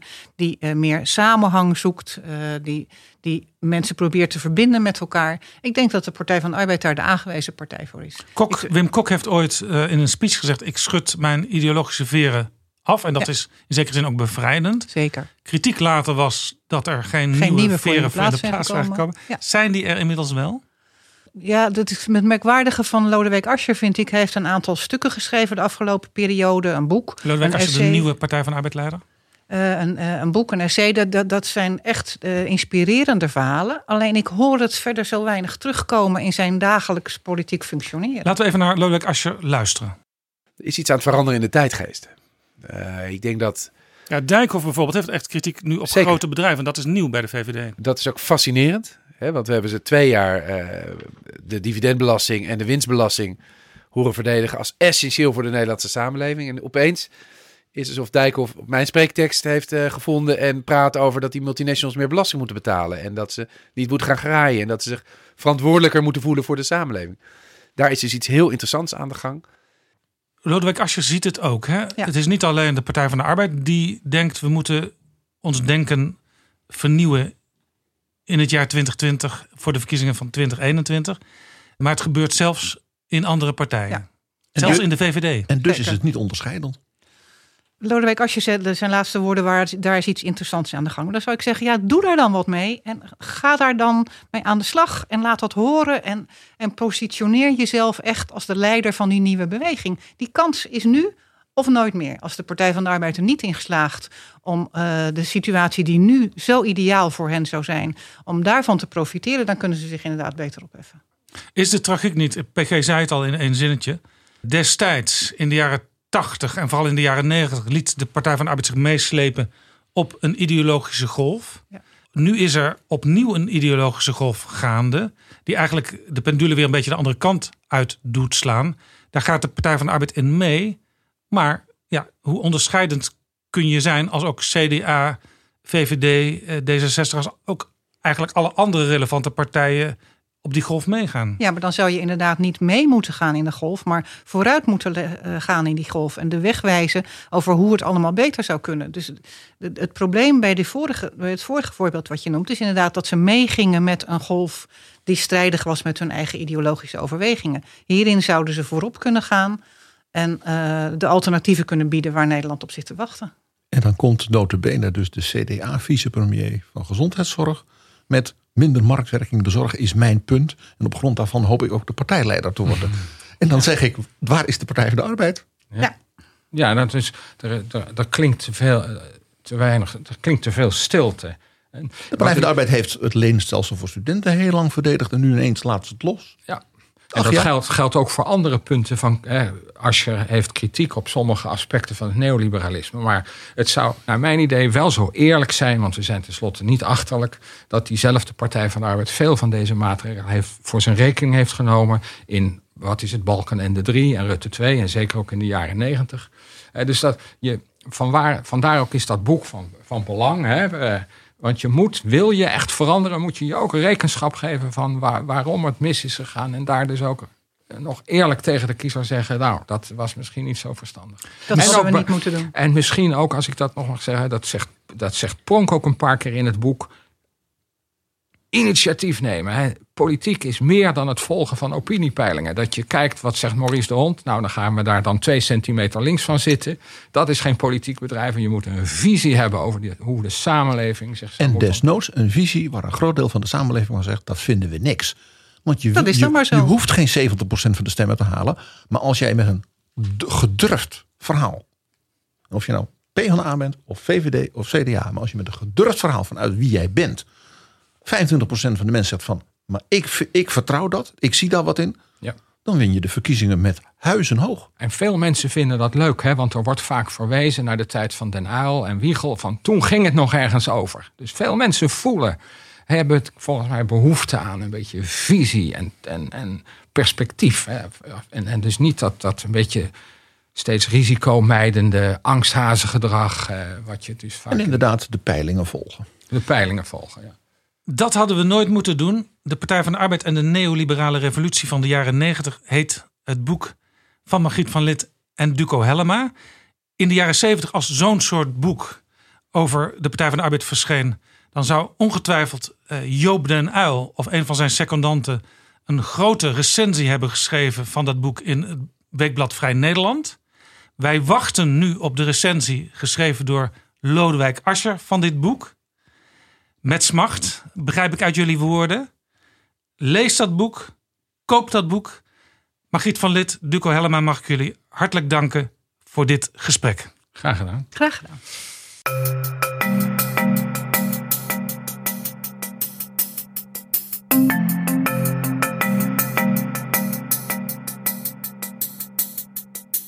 Zo, dit was Betrouwbare Bronnen aflevering 1, 2, 3, zoals PG zegt. Deze aflevering is mede mogelijk gemaakt door We Nederland en door donaties van luisteraars. Dank daarvoor. Wil jij met een donatie Betrouwbare Bronnen mede mogelijk maken? Ga dan naar vriendvandeshow.nl/slash bb. Daar kun je ook reageren op deze aflevering en op andere afleveringen. En overweeg je betrouwbare bronnen te sponsoren of in deze podcast te adverteren? Stuur dan een mailtje aan Flip Kilian Adams. Dat is flipapenstaartdagennacht.nl. En dan nog dit. Voordat ook voor ons het zomerreces aanbreekt, komt er volgende week nog één aflevering. Tot dan. Betrouwbare bronnen wordt gemaakt door Jaap Jansen in samenwerking met dag en nacht.nl.